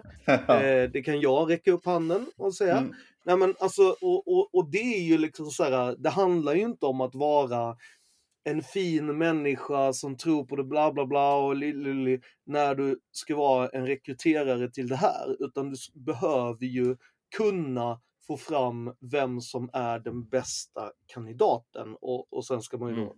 välja. Liksom. Och det, hela den processen och hela det, det, det tror jag i Raiders-organisationen idag, det är lite som att så här, alltså det, är så, det är så långt till Magic Land så att det är liksom... Nej men alltså jag tror på riktigt att då är det så här, du har lättare att anställa en, en unicorn än att, än att få till de här grejerna. För att det är så... Det är liksom 60 år av att aldrig ha gjort en rekrytering mer än, Mm. än att så här, jag tycker det Nej, nej, men precis. För mig, grundbulten i oron här är att man liksom överkorrigerar för misstaget när man inte anställer Rick Bisaccia Ja. som var interim och man, alla älskade honom och sen så gick man och signade Joshy Josh Ja. istället. Mm. Och nu så tar man det andra beslutet här. Men de, det gamla beslutet får inte påverka det nya beslutet. Nej, men- för de och det- är två helt är- vitt skilda beslut. Det, det du beskriver är ju att tilta. Alltså Mm, att, du exakt. liksom så här, att du antingen double down eller att Ja, gå mot exakt. huset för att Den här gången blir det Klave. Mm, ja men eh, exakt. Och, Mm. och, och där tror jag att det jag tycker är bra som man inte tar upp i det här, det är ju att Antonio, alltså att man valde att eh, direkt från början, och det sa man också till, eh, vilket jag tycker är bra, att man är öppen och säger till Antonio Pierce och till Champ Kelly, som båda hade interim. Den ena var interim GM och den annan, andra var interim HC att säga att era öden är liksom inte intwined, de är inte sammanlänkade, de är inte invävda. Var och en kommer bli utvärderad på sitt och liksom så. Eh, och när man hade satt Anthony Pierce så var man så här. Vi tycker och känner oss tryggare med att ha en general manager som har gjort general manager-biten väldigt, väldigt många år och gjort det väldigt bra och bla bla. Och därför var ju Tom Telesco en av dem som var, eller det blev den kandidaten som man kände, det här är vi mest trygga med. Och sen att eh, man hade ju redan Champ Kelly kvar på ett kontrakt som assisterande general manager så skulle man ju kunna rent i framtiden växla ut de där två om det är så att man eh, vill ha kvar Champ Kelly. Men eh, med det sagt så tror jag ändå att såhär, hur eh, liksom, eh, ja Antonio Pierce, hur han har förklarat hela vad han tänker på eh, och eh, hur han vill eh, skapa lagen och, och hur mycket han tar hjälp ifrån andra äldre, sina gamla headcoaches så tror jag ändå att den, den känns väldigt bra. Den kän, alltså jag tycker att hans rekryteringar, hur han har skött dem med vilka eh, kandidater de har tagit in på eh, offensiv koordinator, defensiv koordinator, alla de här olika positionerna, så tycker jag att det har varit väldigt bra. Och att när man har kommit fram till att säga jag vill helst ha Patrick Graham som min defensiva koordinator, bra. Eh, Cliff Kingsbury var han som de ville ha och sen så ville han bestämma allting. Och då sa Antonio Pierce, nej, vi, vi ska ha de här eh, running back coach och vi ska ha de här grejerna för vi ska göra på det här sättet. Och då ville han skeppa och då tog de in Luke istället. Det känns som en bra grej, men nu blir det ganska långt där om, om eh, Raiders. Det var ju kanske inte meningen. Men eh, Heller. Men, nej, men jag förstår, det finns, eh, det finns oro, det kan bli bra. Eh, men eh, som sagt, i summa summarum tycker jag det är positivt att spelarna är glada över sin coach. Det, det är någonting man kan bygga på. Sen så får vi se vad resultaten blir här helt enkelt. Eh, vi behöver inte bränna igenom hela listan heller. Eh, ett gäng namn är dock intressant att prata om. Det pratas om på den här listan om Canales och Morris som vinnare då för att de kliver in som nya headcoaches. Morris för andra gången i Falcons, han också var interim. Canales kliver ju in då och tar över eh, i, i utmanande Panthers. Eh, Medan Bill Belichick och Ben Johnson ses som förlorare för att de inte då blir headcoaching-kandidater. För mig är det här jättemärkligt. Ben fick det han ville. Ben ville vara kvar i Detroit. Eh, Ben Johnson får vara kvar i Detroit. Han är inte en Ja, han tackar ju nej till jobben. Ja, han nej till. Alltså i den här så pratar man ju om hur han gjorde, det vill säga att han, han smsade ju Commanders-folket när de var på väg. Och att det i liksom nästa runda, alltså om ett år, det är många som kommer hålla det mot han. Och det är vissa som kommer glömma det. Eh, medans, eh, liksom, ja, det, det, det, jag kan förstå den eh, negativitet-grejen med tanke på när Josh McDaniels eh, hoppade ur, ur Colts, hur mycket negativt och det var snack om att han aldrig mer skulle bli head coach om det inte var över Patriots. Alltså, eh, så att, Mm. ja, jag tror att det finns, jag tror att jag håller ju med om att jag tycker att han är en vinnare som stannar i, alltså som, jag menar rent krasst, han är en vinnare för han har fått be- bestämma själv. Jag Mm. skulle ju säga att de har listat Washington Commanders som en vinnare. Det skulle ju inte jag säga när du har valt ditt tredje val. Eh, alltså, Nej, det, när du fått nöja dig med Dan Quinn. men det kanske är så att, men jag menar, om man kollar på Washington Commanders på det stora hela så har de ju blivit av med Dan Snyder och det är ju en jävla vinst. Och Mm. hela Men- den liksom resan som är under där, då är de väl en vinnare. Man... Men som vi breddar upp den här diskussionen och tar in våra åsikter i det hela. För det här är det sista vi har i NFL-podden är liksom coachingkarusellen som har skett. Ja. Så frågan är helt enkelt, är det något, vi varit inne på min oro för Raiders. Eh, Är det någonting ni ser som klara, tydliga vinnare av liksom coachingutfallet som har skett här nu? Eh, GM också inkluderat och lagbyggen.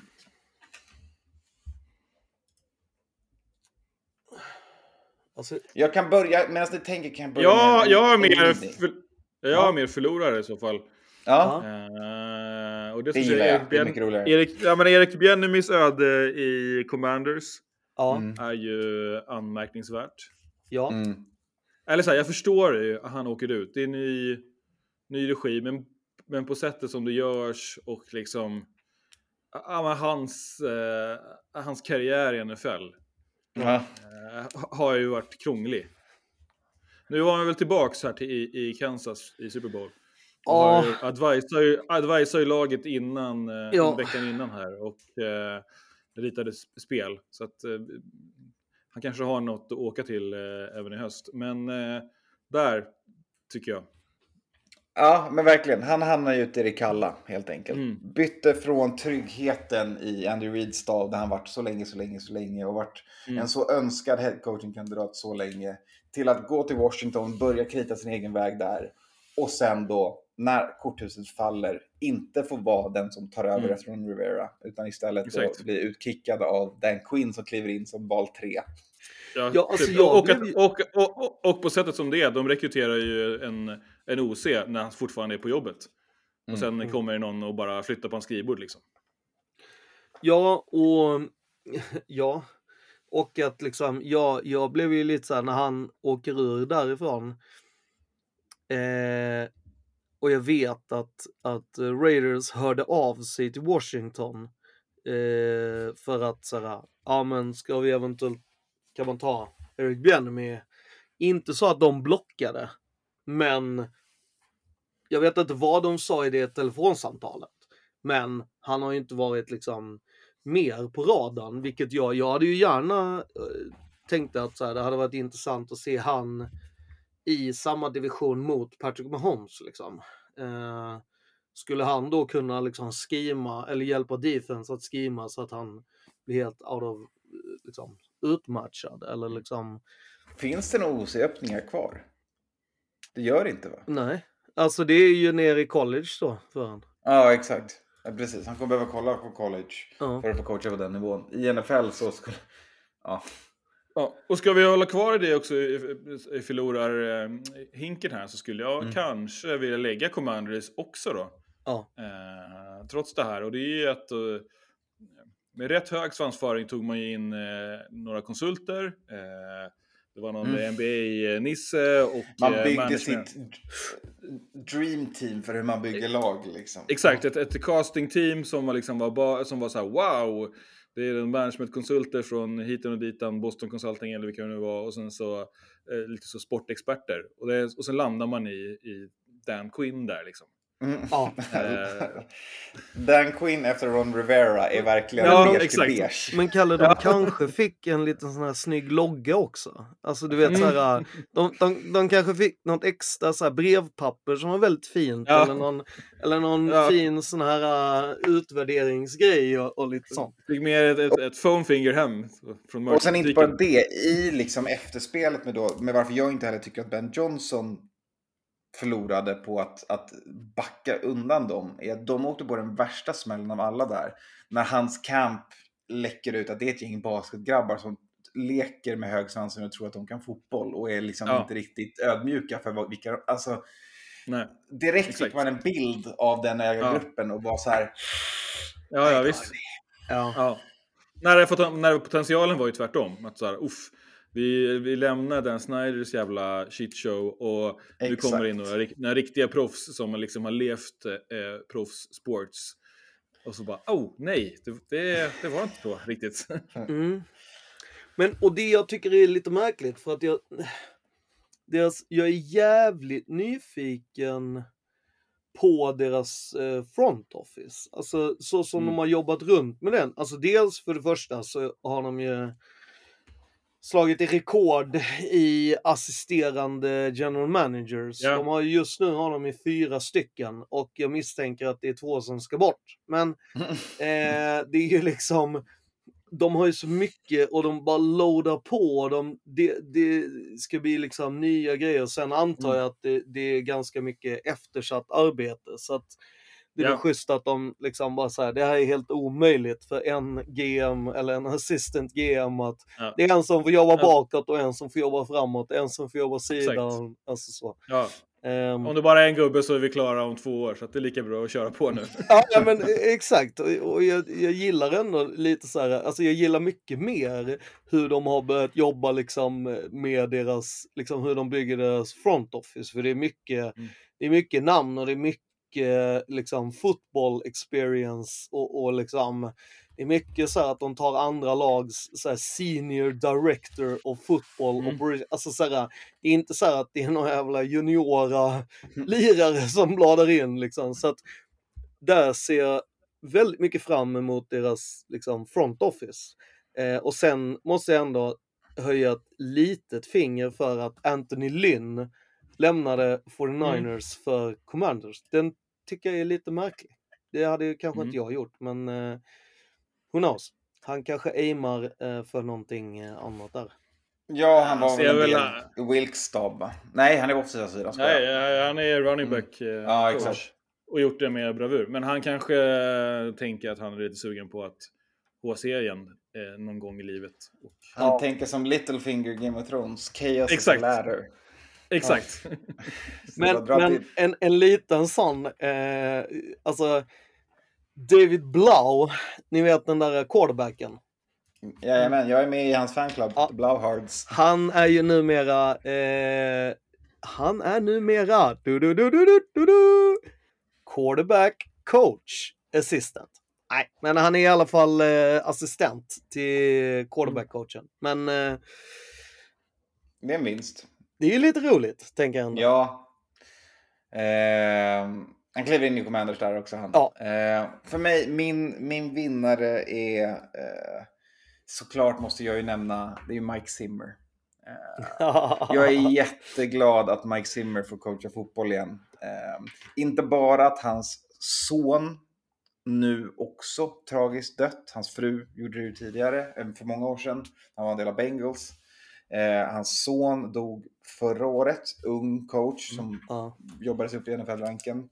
Eh, nu får han återgå till sitt Dallas där han liksom växte upp som coach under liksom Parcells och, och liksom så här verkligen blev den han coach han är. Han är också killen som när han fick frågan på så här om du inte fick vara NFL-coach, vad skulle du vara då? Och det enda han kommer på är att jag skulle coacha fotboll. ja. Alltså, liksom, hans enda svar på den frågan, vad han skulle göra om han inte var coach, det var att vara coach. Ja. Nej men jag tyckte att var... han får coacha igen i sitt Ja. Dallas, eh, där han får liksom reunita med Mike McCarthy där de har massa härliga duster. Han i Green, Green Bay och Vikings och liksom så mycket snack om Rodgers och McCarthy och hur de, och Zimmer och hur de, Harrison Smith och hur de schemade spelare mot varandra och så här. Eh, men jag tycker det är en fin full circle moment för honom och jag hoppas att han gör det så jävla bra alla matcher de spelar när de inte möter Vikings. ja. Men vi vet ju också att han kommer ju absolut mörda Vikings. Kirk Cousins när han möter dem. Om Vikings har kusinen. ja. Ja. Jag, jag har en till vinnare och det eh, får ändå vara eh, KCBK. Alltså, förutom att de vann Super Bowl så Mm. behåller de ju ändå Ja. eh, väldigt mycket av sitt lag. Så Eh, och det känns Vidrigt ganska- att Spags är kvar. Exakt. Ja, och ganska ovanligt och eh, som du sa, vidrigt. Håller med dig. Eh, vi såg ju tidigare år hur liksom Eagles blev ju raidat. Det kom ju liksom Ja. ett piratskepp och bara lootade hela laget eh, efter, efter appearance. Medan KC får behålla alltså gott som alla. Ja, så det, Ja. Och, och liksom att man dirr gick in och bara så här, Mm. okej, eh, det är liksom, han är på semesterresa efter Mm. Super Bowl. Alltså han har ju alltså precis plumsat i vattnet i Florida och ägaren ringer och bara tjena tjena, jag har faxat över eh, ett kontrakt, du borde ha det nu. Och så tänker jag bara att du signar under där och så, så eh, har vi signat dig förlängt i Mm. ett eh, fem, sex år där och så blir det jättebra. Mm. Och sen så gör man samma sak med sin assisterande headcoach och så vidare. Alltså det är så tydligt att man så här, här ska vi inte låta någon ens få en funderare på så här ledig tid att så här, fan jag Ja, kanske skulle... inga- eh, jag Ja, för- Jag söker något jobb nu? Så, Nej. Ja, och, och, Nej. och även åt andra hållet, liksom inte, inte tillåta att någon slide into DMs här och Ja, eller hur? med ett förslag, utan det är bara... Nej, nej, det är bara... Mm, mm, bara men han är ju på semester. Nej, nej, nej, nej. nej. Det är, han har en fax i båten, det vet Mm. jag att det är så. Mm. Ehm, och det tänkte jag, apropå att du drog upp det där med Eagles. Jag tror verkligen att Nick Sirianni är, nu är det liksom hans eh, do or die år, precis som McCarthy. Jag tror att det kommer vara i, jag tror att, att samtliga lag i eh, NFC East, förutom då eh, Commanders då, eller i och för sig Commanders också, att alla de har lite så här eh, kniven på strupen. Jag Mm. tror att eh, New York, eh, Brian eh, DeBall tror jag har det jävligt svårt just nu. Jag tror att där är Ah, ja. både han och general manager. Jag tror att McCarthy har ju redan sagt länge att han är liksom vi- Vinner inte de Super Bowl så är det out liksom, vilket är jävligt tufft. Hörde ni vad som läckte ut om Nick Sirianni? Att, Att eh, när de inte hade sin Head of Security på sidlinjen så hamnade Nick i för mycket tjafs med, med spelare runt omkring så att han eh, glömde fokusera på matchen. Så det var därför de blev sämre sen deras Head of Security inte längre, Dan, inte längre fick på ändå på intressant. sidlinjen. Alltså, men, Så Eagles, en av förlorarna den här coaching jo men alltså, jag tror ju liksom att, jag tror att han liksom, nu har man dragit alla hans så här nödraketer. Eh, Mm. och, och då är det så här, om inte han lyckas nu, då är han out. Och så tror jag att man kommer suga in liksom Mike Vrabel. Alltså de behöver en, liksom, en, en sån typ. Liksom. Jag kan också se Mike Vrabel till Philly. Tänker jag skulle vara jobbig. Eller, eller Bill Belichick. Ah, Bill i sånt fall tror jag tillbaka till Giants liksom. Hade väl varit Mm. jättenice. Liksom. Ja, ja, ja visst. Mm. Har Eagles ens kritat på med en ny OCDC? Ja, ja. Jag Alltså glömde. Vic eh, Fangio. Just det, Ja. Fangio. Och sen så har du ju han, ehm, ah, han som var i eh, Kellen Moore. I deras Ja, OC. just det. Så va. Ja, det är ändå två stabila namn får man ändå ge dem. Mm. Ja, ja. Eh, ja. Det är en bra Så- shot nästa år. Deras utmaning är ju Sirianni. Det är ju han som... Exakt, exakt. Det är han som är liability. Det var ju ganska 100%. tydligt att det, det var... Eh, man har ju jättemycket intressanta, för att följa med i det här trädet. Jonathan Gannon, som var under honom, som kommer från Mike Zimmer-trädet för övrigt, och med massor av coacher från Vikings-trädet. Det defenset i Arizona, det finns ett magiskt klipp när eh, CJ Stroud sitter och breakar ner när, hur otroligt svårt det var att möta Arizona. Eh, så håll öga på Arizonas defense till nästa år, för Gannons cooking. Eh, och det är inte konstigt att båda deras koordinatorer som, blev, de, som lootades från Eagles har gjort det bra sen dess. Liksom. Så Nick kanske inte riktigt borde haft den där chefshatten från första början. Nej, och det är väl lite därför jag tänker att så här, när, man, när man skriver in att Bill Belichick och Mike Vrabel skulle vara losers på en lista så kan jag känna lite så här. De har inte ens varit så här fem minuter utanför liksom NFL och jag menar, jag tror att de, jag tror att rätt många har koll på deras telefonnummer, i alla fall de som behöver ha deras telefonnummer, tänker jag att det är liksom eh, Verkligen.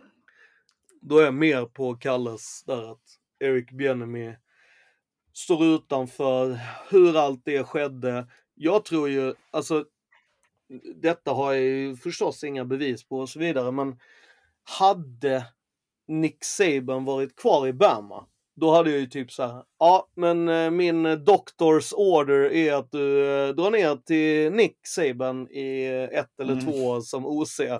Ja, så kommer du tillbaka och då jävlar eh, blir det liksom OC för något annat lag och sen kommer det bli HC och sen är det klart.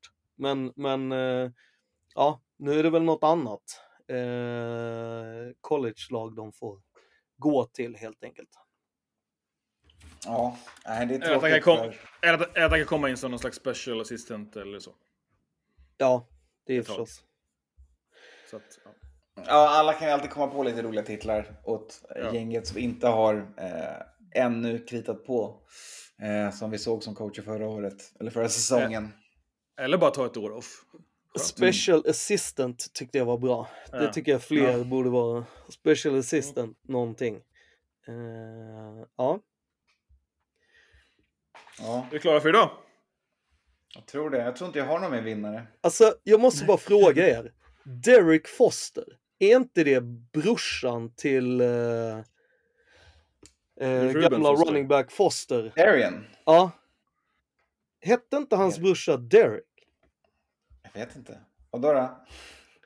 Därför att, hör och häpna, eh, Saints har ju gjort genidraget att, eh, att anställa Derek Foster som ny running back coach.